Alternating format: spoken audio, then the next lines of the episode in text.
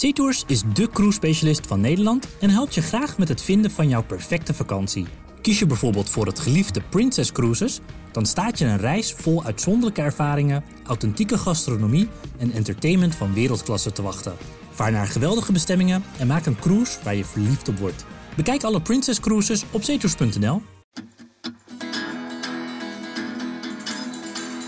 Welkom bij Culturele Bagage, de wekelijkse cultuur- en tijdsgeestpodcast van de Volkskrant. Mijn naam is Esma Linneman. Het is meer dan 25 jaar geleden en toch houdt de dood van prinses Diana nog steeds miljoenen mensen bezig, vooral in Groot-Brittannië. De aanloop naar die tragische dood in 1997 in de Pont de l'Alma-tunnel in Parijs en de nasleep ervan, die staan centraal in het zesde seizoen van de hitserie The Crown, waarvan de laatste afleveringen vanaf morgen te zien zijn op Netflix. Nou, wie net als ik veel heeft zitten Netflixen de afgelopen tijd, die ziet meteen parallellen tussen The Crown en documentaire series als Beckham en Robbie Williams. Want in al deze series wordt een werkelijk inktzwart beeld neergezet van de Britse media. Die in hun meedogenloze jacht op smeuïge foto's en nieuwtjes er niet voor terugdeinzen om mensenlevens kapot te maken. Hoe is die giftige dynamiek tussen pers en beroemdheden nou ontstaan? En welke invloed heeft de dood van Diana gehad op de werkwijze van de Britse tabloidkranten? En behoort de paparazzi-fotograaf tot het verleden of worden sterren nog steeds gestalkt door geldbeluste fotografen? Nou, over de Crown en over roddeljournalistiek, daar ga ik het vandaag over hebben met de chef van het magazine Emekine. Goedemorgen. Goedemorgen. En ja, chef series uh, Mark Moorman. Goedemorgen. En aan de telefoon hebben we dadelijk ook nog onze correspondent Patrick van IJzendoorn. Uh, welkom Patrick. Goedemorgen. Nou, Mark, um, ik begin even met jou, want Ja. de aanleiding is eigenlijk The Crown en dan uh, het tweede deel ervan. Uh, gaat The Crown ergens terugkomen in de lijstjes beste series van het jaar 2023? Wat jou nou, betreft? het, het formele antwoord is eh, dit jaar niet, omdat eh, de serie eigenlijk eh, te laat in december is, want eh, de lijstjes zijn al ingeleverd. I know. Dus ja. dat is een, eh, daarmee kom ik eh, makkelijk weg. Eh, maar anders weet ik het ook niet. Het zit niet in mijn favorieten van het jaar. Nee, want jij had uh, de eerste deel, uh, heb jij gerecenseerd met drie sterren. Ja. Er zaten ja. ook hele mooie momenten in, uh, schreef jij? Ja, nee, natuurlijk. Het is, ja. het is natuurlijk, het blijft een topserie met de beste acteurs en, en production value. En het, geschreven door Peter Morgan, die, die heus wel een dialoog kan schrijven tussen twee mensen. Ja. Maar het was natuurlijk, vond ik, afgelopen twee seizoenen wel heel erg in het, in het particuliere terechtgekomen. Wat eigenlijk een soort weerspiegeling is van de fascinatie van de tabloids voor het ja. bijvoorbeeld slechte huwelijk van Di en Charles en de hele nasleep. Ja, en met particulier bedoel je eigenlijk ook dat die eerste seizoenen zo sterk waren, omdat er steeds parallellen waren met historische gebeurtenissen. Zeker. En nu hebben we het eigenlijk heel erg over de privélevens. En ja, uh, ja van... Ja, en ik, en ik moet zeggen, dat merk ik steeds meer, dat ik, ik vond die, de originele cast van de eerste twee seizoenen, die, die is toch eigenlijk nooit meer overtroffen. Nee, ik zie het die, aan je, ja. ja. nee, ik zocht het nog even op, weet je wel, de, de Claire Foy als de koningin ja. en, en ook ja. uh, Vanessa Kirby, nu, nu een soort superster. Margaret. Als uh, Margaret, ja. dat waren toch wel echt, uh, dat was echt klassieke tv. Ja. Nou ja, en, en daar zullen we misschien ook wel bij uh, stilstaan dat de rol van Elizabeth in de serie The Crown natuurlijk langzamerhand uh, uitgespeeld is. Ook omdat haar uh, historische rol heel anders werd in de loop der tijd. Hè? Ja. Dat, iemand zei van, ze is natuurlijk op een gegeven moment in haar eigen postzegel veranderd of in haar eigen standbeeld. Waarbij ze als personage gewoon niet meer zo heel interessant was. Ze, ze raakte een soort bevroren in haar rol. Wat, wat dramatisch gezien haar ook niet meer zo'n boeiend personage maakte. Althans, dat, die dynamiek ontbreekt nu een beetje in die laatste uh, seizoenen van The Crown. Mm -hmm. Maar we moeten het laatste deel gaan we dus vanaf morgen uh, zien. Ik heb persoonlijk toch wel ontzettend genoten van uh, vooral Prinses Diana. Gespeeld door Elizabeth Debicki. Een Australische actrice, ja, toch? Nou ja. ja. ik, ja, ik moet zeggen, ik vind het fascinerend hoe je zo'n personage zo sterk kunt neerzetten. Dus even over de acteerprestaties. Uh, nou ja, alleen maar superlatieven wat mij betreft. En mee, jij ging naar um, een hele bijzondere persvoorstelling. ja, echt. Ja. jij, hebt, jij hebt het gewoon al gezien. Nou, ik heb de allerlaatste aflevering gezien. Dus ja. uh, aflevering 10 van seizoen 6. Ja. Ook wel een beetje wonderlijk is, want ik moet dus die vier daaraan voorafgaand ook nog kijken. Ja. Uh, maar dat had Netflix bedacht om in ja, mensen het Rijksmuseum in Amsterdam daar een, een, een, een vertoning van te doen maandagavond. Nou ja, geweldig. En wat gebeurde daar allemaal? Oh, nou, wat gebeurde daar? Neem niet? ja, het was fantastisch. Ze hebben daar echt bij Netflix gedacht, we moeten deze serie heel waardig afsluiten. Dus Want het, is het laatste seizoen. Ja. Hè? Dat is echt de afsluiting van, nou ja. Nou, en ze hadden echt iets heel bijzonders bedacht, wat fantastisch uitpakte. Het was dus in het Rijksmuseum. En ik hoorde ook nog bij het hele selecte groepje dat in de eregalerij ja, dus gewoon waar de nachtwacht hangt, uh, mocht dineren. Nee joh. Ja joh, het was niet normaal. En dan hadden ze wat echt heel leuk is, uh, kostuums uit de serie, wel allemaal van The Queen in dit geval, ja. uit Groot-Brittannië naar Amsterdam laten komen. En die hadden ze dus, ja, ik ga het even goed proberen uit te leggen, in de eregalerij heb je toch die nissen met die of, uh, schilderijen, sorry. Ja. En daarvoor stond dan steeds een pop met een kostuum van uh, The Queen, helemaal uitgelicht. Wow. En die hadden ze dan ook nog, ja, fantastisch in de kleur. Dus bijvoorbeeld een blauwe jurk bij dat vermeerblauw en een heel cool pak beige en groen bij die zwaan van Asselijn. Heb ik even moeten opzoeken. Oh, heel goed. Ja, Wat gebeurt daar in dat Nou ja, je denkt echt, hè, maar het was zo geweldig. En je kwam binnen, vergeet ik nog, het pronkstuk was gewoon haar kroningsjurk uh, met die paarse hermelijnen mantel ja. uit de film. En wat heel leuk was, die kostuum. Uh, designers, hele leuke Britse vrouwen, die waren daar. Oh, dus daar ja. hebben we mee gegeten. Ja, het was fantastisch. En daarna dus die vertoning. Ja, het was ongelooflijk. Ja, en en, en uh, konden die kostuumontwerpers ook nog iets vertellen over de kostuums van uh, Lady Di? Want die staan natuurlijk helemaal centraal in, in dit seizoen. Ja, het ging in dit geval, hebben ze veel over de, over de Queen verteld. Omdat dat natuurlijk door het hele Ja. seizoen heen ook heel belangrijk was. Uh, we hebben vooral, ja, even geinig detail. Die Elizabeth de Bickie, die geweldig is, maar die is dus 1,90 meter. I know, dat, Ja, dat, dat is- zie je al een beetje in Ja, de serie. en, en ja. Di- Di was ook langer, maar Ja. 1,80. Ja. Dus ze, ze hebben ook wel veel verteld over haar grote voeten. Ja. En hoe ze, het, weet je wel, het voor haar allemaal eh, met haar tegenspelers een beetje toonbaar moesten maken. Al die kleine tegenspelers van de... Exact. Ja. Dus daar moesten ze wel wat dingen op verzinnen. ja, Ja, ja. en ze was natuurlijk voor hun fantastisch. Dat vond ik heel leuk hoe ze dat vertelde.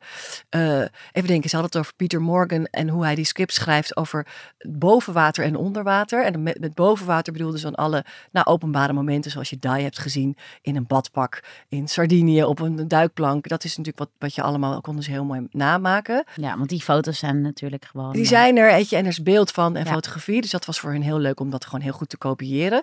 Maar vervolgens heeft Pieter Morgan, dat is natuurlijk waar die serie ook onbekend staat, een hele onderwaterwereld gecreëerd van dingen waar we natuurlijk nooit bij zijn geweest. Ja. Maar zij zeiden, we kregen helemaal het gevoel door hoe hij het schreef, dat wij de vrijheid hadden om te bedenken hoe Diana eruit ziet als ze zit te ontbijten. Terwijl we daar natuurlijk nooit bij zijn geweest. Dus dat vond ik heel erg bijzonder om, Ja. eh, om te horen. Nou gaat eh, de laatste seizoenen heel erg over Diana. Wat voor een beeld eh, heb jij van haar gekregen en van deze? Ja, Door vond deze het- serie. Ja, ik vond het geweldig. Ik heb eigenlijk bij eh, deze aflevering nog veel meer dan anders met mijn computer ernaast zitten googlen. Omdat ik echt elke keer dacht, hè, dit heb ik toch gezien? Ik bedoel, ik heb ook heel veel naar haar kleding zitten kijken. Ja, Ze is natuurlijk echt een stijlicoon steeds meer geworden. Ik begreep ook wel, wat ik ervan over gelezen heb, dat zij ook juist na die scheiding uit dat keurslijf van dat koningshuis ineens dacht. En nou ga ik me gewoon in mijn revenge dress aan de wereld laten zien. ja, ja. Eh, en in Côte d'Azur zitten, weet je wel, in prachtige outfits. Ik bedoel, dus daar heb ik ook wel heel veel naar zitten kijken. Ja. En dat vond ik heel erg leuk. Ja. Ja, ja, ja. En ehm, we hadden het net al dus over onderwater, bovenwater. Mooie symboliek eigenlijk. Want Ja. Mark, hoe, hoe ja, waarheidsgetrouw is deze serie nou precies? Nou, ik ben niet echt een, een koningshuiskenner, maar ik vind wel eh, fascinerend hoe eh, Peter Morgan een soort alternatieve geschiedenis van de Windsors heeft geschreven. Hij is natuurlijk bekend geworden met de film The Queen en later kwam er een heel succesvol eh, toneelstuk, The, The Audience. En The Audience ging eigenlijk over de, de geschiedenis van Elizabeth aan de hand van de ontmoetingen die ze had met de prime ministers. Ja, ja, ja. En dat zijn natuurlijk eh, eh, allemaal ontmoetingen waar geen pers bij was. En Peter Morgan had in dat, in dat toneelstuk, heeft hij dat gewoon ja, dramatisch uitgewerkt. Hoe de relatie met al die verschillende premiers vanaf eh, Winston Churchill, hè, Ja. om even aan te geven wat voor een enorm tijdvak Elizabeth eh, beslaat. Eh, en, de- en dat hele idee van we dramatiseren alles over de Windsors wat we niet weten. En dat combineren we met alles wat we wel, Wel weten. weten. En ook heel goed weten. Want hun openbare momenten. Hè, de- in het begin zie je vooral de staatsbezoeken. En, en later in het geval van Diane zie je natuurlijk eh, alle, alle momenten dat, eh, ja, dat de fotografen achter eraan zaten. Ik zat zelf net als ME zat ik met eh, eh, Google ernaast. Terwijl ik naar die eerste aflevering zat te kijken. Ik denk, die scènes die, eh, die, eh, is dat eh, Sardinië, dat ze achtervolgd wordt door fotograaf in bootje. Denk ik, is dit nou echt geweest? En dan ga je die Ja, foto's opzoeken ja. en dan zie je dat alles heel precies geanceneerd is en dat die al die badpakken en die kleding ex- exact klopt en de manier waarop die fotografen en de, de standpunten. Ja, Ja, Dus dat en, en de spanning van die laatste seizoenen is natuurlijk hoe verhoudt zich alles wat we weten en zelf gezien hebben. Hè, en omdat we ook zo langzamerhand in deze tijd zijn gearriveerd, ja, zich tot wat we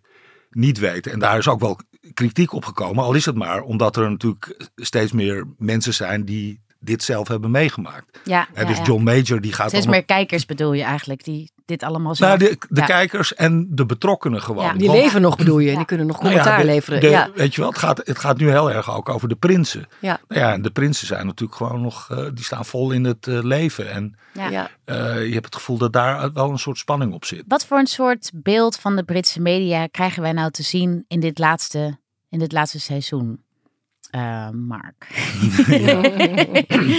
Nou ja, we hadden, we hadden al geconstateerd dat we in de- het laatste deel van het jaar met een aantal series eh, zaten waarin de, de rol van de Britse tabloid pers nogal eh, scherp naar voren komt. Hè? Van, van eh, hoe, eh, hoe de Beckhams eh, de- de- hiermee worstelden en eh, Robbie Williams natuurlijk. Ja, jij was eigenlijk de eerste ME die daarover begon. Nou ja, het viel me heel erg ineens Ja. op. Ja, ik zag het ook allemaal vlak achter elkaar. Ja. En toen dacht ik, hé, ik heb me dat eigenlijk gewoon nooit zo gerealiseerd.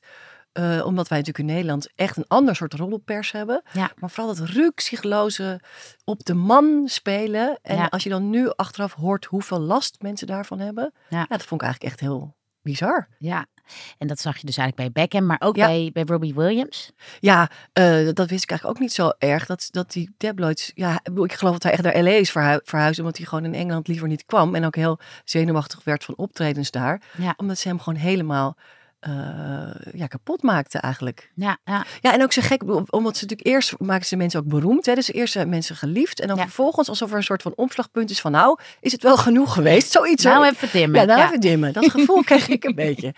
Ja, nou ja, ik denk dat, dat het voorval, of het, het voorbeeld van Diana, dat kan eigenlijk niet dramatischer. Want, Nee, nou ja. ja, volgens velen eh, heeft, hebben de tabloids eigenlijk, eh, of de paparazzi, bloed aan hun handen. Ja. Maar wat voor een beeld krijgen wij van deze Nou tabloidpers? Kijk, wat, wat hier duidelijk eh, eh, wordt neergezet, en er wordt een soort ehm, een, een verhaallijn aan toegevoegd die er een, die er een klassieke tragedie van maakt. Zo, ze was altijd op dat moment al, toen ze daar eh, op dat jacht was met wel of niet Dodi, haar wel of niet geliefde, haar wel of niet verloofde, was ze al de meest gefotografeerde vrouw in de wereld op dat Ja. moment. Ja, ja, Maar er kwam een soort eh, hoogspanning op toen er een foto werd gemaakt eh, van die twee terwijl ze elkaar kussen aan boord van dat jacht. ja, Die eh, fotograaf Mario Brenna, dat was zo'n zo'n klassieke paparazzi-fotograaf. Die naar eigen zeggen daar al wekenlang op de loer lag. En, en dit dus allemaal helemaal zelf heeft uitgevonden waar die moest zijn. En om die foto te maken, daar is hij rijk mee geworden. Ja. Het feit dat hij miljoenen verdiende met die foto, st- stuurde nou ja, echt letterlijk hordes fotografen die kant op. Die Ja. allemaal dachten van dit is eh, onze kant eh, om dit stel te fotograferen en ook rijk te worden. ja, want dat had ik nog niet zo goed beseft. Misschien ook toen ik jonger was. Want ik las dus dat hij, ik geloof dat hij 1,7 miljoen pond heeft eh, verdiend. Hè, deze Mario Brenner. Ja. Eh, aan, ja, aan ja. het kiekje. En, en nu ik dus naar de Crown zat te kijken, dacht ik, ah, dat is natuurlijk gewoon een enorme eh, impuls, incentive voor wie dan ook eigenlijk, met een camera om proberen dit uh, Ja, trucje na te 2000 doen. fotografen las ik ook net. Gingen Twee- naar Sardinië nadat hij die foto had gemaakt. 2000 fotografen. Ja, nou, kijk, ja. En, en wat Pieter Morgan eraan toevoegt, eh, is dat, eh, en, en dat, dat wordt door die fotograaf Mario Brenna eh, ontkend, dat hij op het spoor van dat stel is gezet door de vader van Dodi. Ja. Die heel graag, die, die stuurde echt, althans in de serie, op een verloving aan. En aan dat allemaal om zijn eigen positie in de Britse samenleving te verbeteren. En zijn liefde voor het Koningshuis. Ja.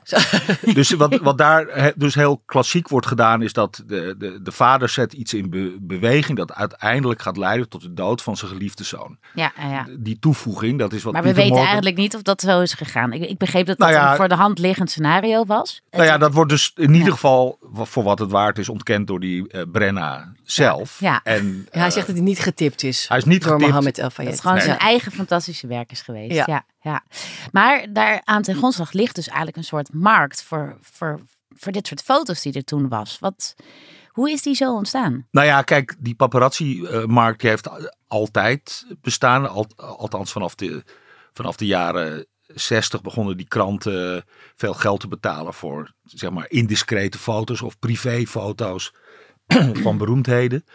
Maar dat beleefde wel echt een hoogtepunt met, met Die. Omdat, je, omdat het Koningshuis natuurlijk altijd een echt extreem gesloten bolwerk was geweest. Ja, En opeens was er een soort ex- heel fotogenieke prinses.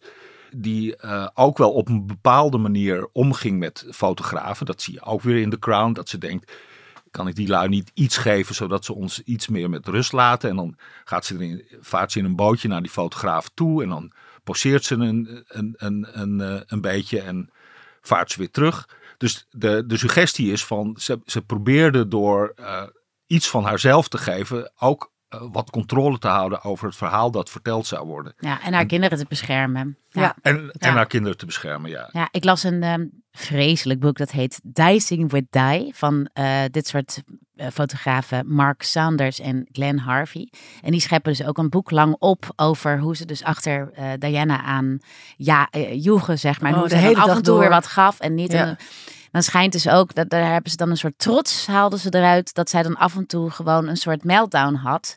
Volgens mij noemden ze dat loonies. Dat ze gewoon zei van alsjeblieft stop, je maakt mijn leven kapot. Of dat ze ze alleen maar gewoon aanstaarden. Zo van eh, een soort, in een soort freeze van wat ben je aan het doen? En dat, dat, daar, lachten, daar lachten ze dan om. En toen ik dat las, dacht ik ook van een heftige macho tijd eigenlijk. Ja, nou ja, kijk, Ja. In, in Nederland is, is de, de hoogspanning en de bedragen en die- d- dat is allemaal wat minder. We hebben ook niet echt Iets minder, ja. We hebben ook niet, nee, we hebben ook niet zo'n tabloid pers zoals in Engeland. Eh, ja. En daar zie je dat, dat het, het Koningshuis echt van die fotomomenten heeft. Het- er is altijd het, eh, het, eh, het, het vaste moment eh, in, eh, in leg op wintersport. En er is volgens mij altijd een strandwandeling moment. Ergens Ja, in dat het, is eh, een stuk saaier dan...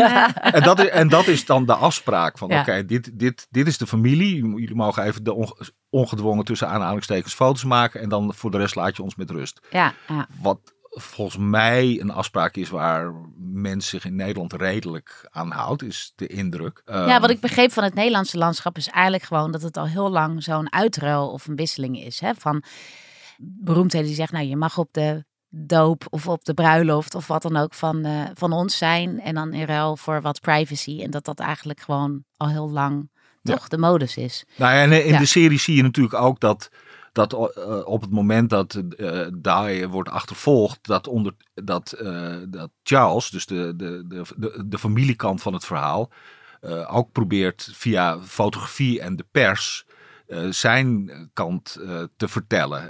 Door, door een fotosessie met zijn twee zonen te organiseren, die ook op de voorpagina van allerlei kranten Oh, met die keurige hoffotograaf. Met die, keurige, met die keurige hoffotograaf die Ja, heel respectvol heel afstand houdt. En, en dat, is de, dat is natuurlijk het, het contrast tussen die twee werelden dat, dat heel eh, vet wordt aangezet. Maar Ja.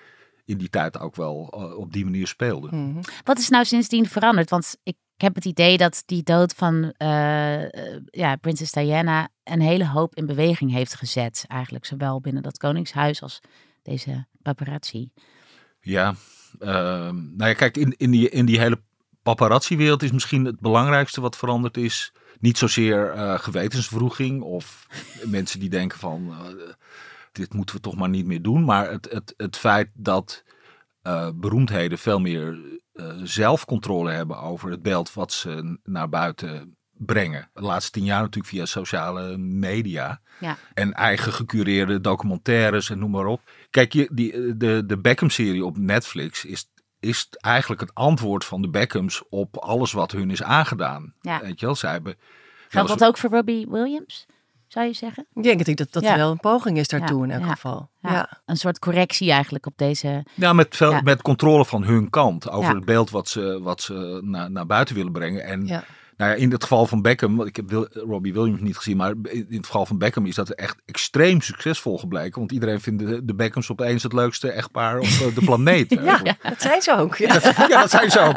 Zeker. Ja, ik begreep dat het ook nog eens te maken heeft met een heel, ja, een, een veel dagelijksere verklaring is dat eigenlijk iedereen nu camera's en foto's heeft. Dus Ja. dat iedereen nu snapshots kan maken van eh, beroemdheden, omdat we allemaal een mobiele telefoon hebben. Ja. Ja. En, eh, nou ja, en inderdaad. Ja, dan gaat de waarde gewoon omlaag als het aanbod gewoon zo enorm Ja, is. Ja. Want het is ook nog een hele markt geweest, heel lang, van Just Like Us eh, foto's. Dus dat je dus eh, Lindsay Lohan of eh, nou ja, eh, Pamela Anderson of wat dan ook eh, een, een Starbucks koffie eh, zag halen. En daar Ja. kon je ook heel veel geld mee verdienen. Echt tienduizenden dollars. Maar dat is eigenlijk Oh helemaal ja, make-uploze foto's met zo'n beker. van oh, ja. ze hebben ook strié en oh, ze ook in de neus, zeg maar. Allemaal best lullige foto's waren dat. Maar daar was dus ook een hele markt omheen. En die is dus ook weg door de komst van, van de mobiele telefoon. Ja. Ja. Ehm, nou ja, we hadden het net over Instagram en Twitter en ehm, Facebook. Eh, dus sociale media hebben ook een hele hoop in verandering gebracht, toch? Ja, absoluut. We hebben aan de telefoon ook ehm, Patrick van IJzendoorn. Goedemorgen. Hi. Ja. Want ehm, je hebt even zitten meeluisteren en ik vroeg Ja. me ook een beetje af, wat is jouw analyse? Wat is er eigenlijk veranderd ehm, in die verhouding tussen de pers en het Britse Koningshuis sinds de dood van, ehm, van Diana? Nou, dit eh, Koningshuis in Engeland heeft eh, sindsdien een soort van herenakkoord met de pers. Waarbij ze dus meer openheid geven, meer ruimte geven voor fotografie. In ruil voor minder verstoring van de privélevens. Ja, Een soort van gedragscode. ja, En dat eh, werkt al jaren ja. vrij behoorlijk. Er is wel minder ophef over eh, Kate of over William of over Louis, et et cetera. Dus, dus een, vrij, een vrij rustige tijd is aange- aangebroken dat betreft. Ja, en dat komt dan een beetje doordat zij dus ook eigenlijk iets meer van zichzelf laten zien. Maar dan Ja, wat gecureerder en met meer controle erover. Hè? Ja, zeker. Dat is inderdaad het geval. En bovendien is het momenteel misschien iets ook wat saaier eh, dan het voorheen was, het Koningshuis. We, we- we hebben Nou. nu eh, Kate en William zijn eh, fijn getrouwd, lieve kinderen, weinig aan de hand. Camilla is nou gewoon koningin geworden, niemand die erover eh, over zeurt. Het is een, eh, het is een vrij kalme periode, behalve dus eh, Harry en Meghan. Nou, behalve, zeggen, dat wou is zeggen, nog wel dat een bombshell, toch? Die broer die maakt het wel eh, spannend. Maar die, maar die liggen er redelijk uit in Engeland. We kennen weinig mensen die enige waardering eh, voor hen hebben. Ja, En het, het raar is ook, toen op een gegeven moment zij met die documentaire uitkwamen, Harry en Meghan, toen hadden ze ook allemaal beelden eh, bij de intro van uh, hetsige, opdringerige paparazzi en zo. Maar het waren allemaal beelden van bijvoorbeeld Harry Potter premières en andere dingen. Niet over het Koningshuis zelf. Hm. Dus ze moesten echt zoeken naar andere evenementen om hun, om hun punt te maken dat ze worden achtervolgd. En eh, dat is wel erg opmerkelijk geweest van mezelf. en ik, ik begreep dat zeg maar de, de wetgeving rondom dit soort fotografie eh, ook is aangescherpt. Want in de tijd van Diana eh, ja, gingen die paparazzi-fotografen klommen gewoon over hek. Die deden allerlei dingen die helemaal illegaal waren. Hoe zit dat nu in het eh, Verenigd Koninkrijk? Is het Koningshuis beter beschermd? Nou, er is volgens mij niet echt een wetgeving daarvoor eh, geïntroduceerd. Het is, meer zo dat het hele schandaal rond de News of the World met het telefoon afluisteren heeft ertoe geleid dat de pers heeft een soort van interne waakhond ingesteld. Waar ze er ook wel redelijk aan houden. Ja. En ook is er iets minder interesse in. En ik heb ook een, eh, een vriend van mij, die is een eh, oude eh, persfotograaf van celebrities, die ook met Diana ruzie kreeg op een gegeven moment. En ja, hij wilde echt zijn idee van we moeten van beroemde mensen moeten we, moeten we weer gewoon maken. We, we moeten mensen gewoon afdrukken. Ja. En ja, hij had allerlei trucs daarvoor. eh, eh, hij ging geven naar het WK, Mexico, eh voetbal WK. En hij had helemaal geen accreditatie. En hij heeft zich gewoon verkleed als een ober om in het Engelse hotel binnen te komen. Oh, wauw. En, en hij maakte prachtige foto's van Linneke in zijn, in zijn en zo. En, Gary ja, Lineker, ja. Ja, en heel erg inventief. Maar hij zegt over nu, de laatste twintig jaar, ja, je komt nergens meer binnen. Het is echt helemaal afge... Het is zo allemaal ge- ge- ge- gecontroleerd. Ja, Eh, ja, Het is niet meer to- toegankelijk. Hij kan nergens meer binnen, binnen glippen, in zekere zin. Hm. Dus het is ook minder, minder, minder lol aan dan, dan, dan vroeger. Waar we nog wel eh, de mond van vol hebben, is natuurlijk de nieuwe biografie over, over dat Koningshuis, Endgame. Wat een Mhm. Nederlands eh, staartje ook, of nee, niet een staartje, eigenlijk een, een, een Nederlands eh, Ja. verhaal is geworden. Want hoe, hoe zit dat nou precies? Nou, dat is een eh, boek geschreven door Omid Scobie. Dus een soort van officieuze perswoordvoerder van Harry en Meghan. En het boek het is een aanval op het koningshuis. En het gaat ook over dat, het verhaal dat twee leden van het koningshuis zouden hebben gesproken of hebben gevraagd wat voor een huidskleur het eerste kindje zou krijgen van Harry en Meghan. En het werd dus eh, door Meghan eh, gezien als eh, racistisch. En die namen die kun je niet in Engels noemen. Want aan je, aan, je, aan je broek. En ja, die namen zijn dus wel genoemd in een Nederlandse vertaling van het boek. Ja. Zogenaamd per ongeluk.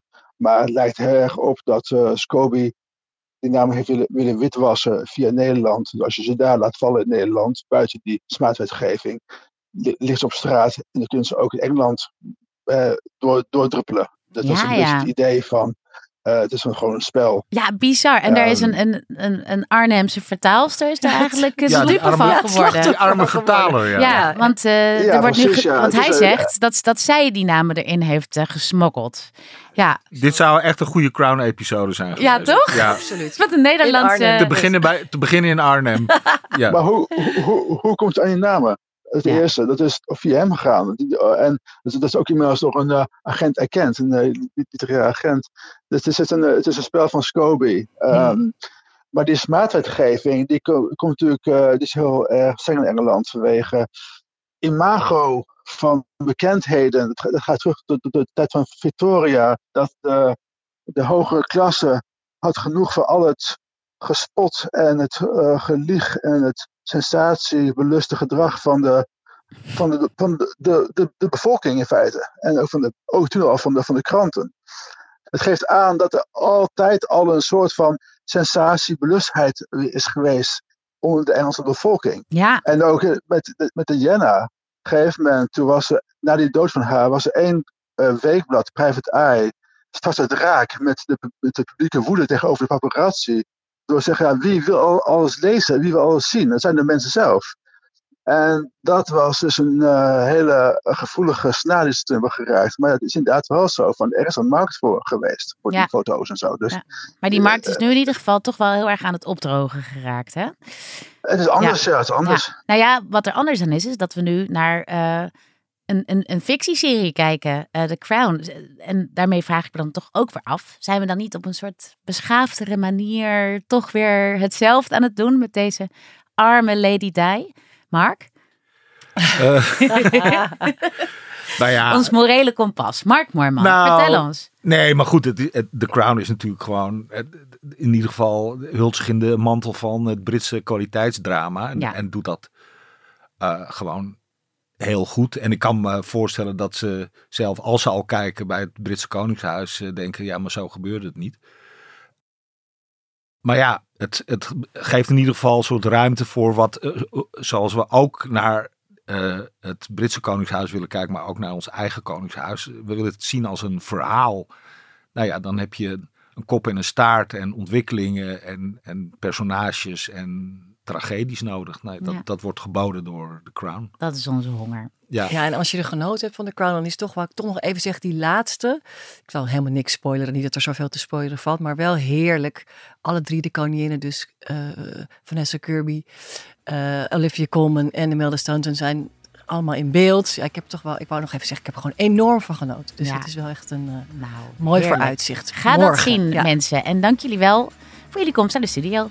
Dit was Culturele Bagage. Montage wordt gedaan door Team Hageman en eindredactie door Corine van Duin, Emily van Kinschot en Julia van Alem.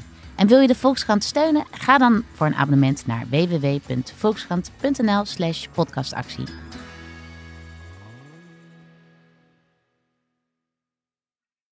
SeaTours is de cruise specialist van Nederland en helpt je graag met het vinden van jouw perfecte vakantie.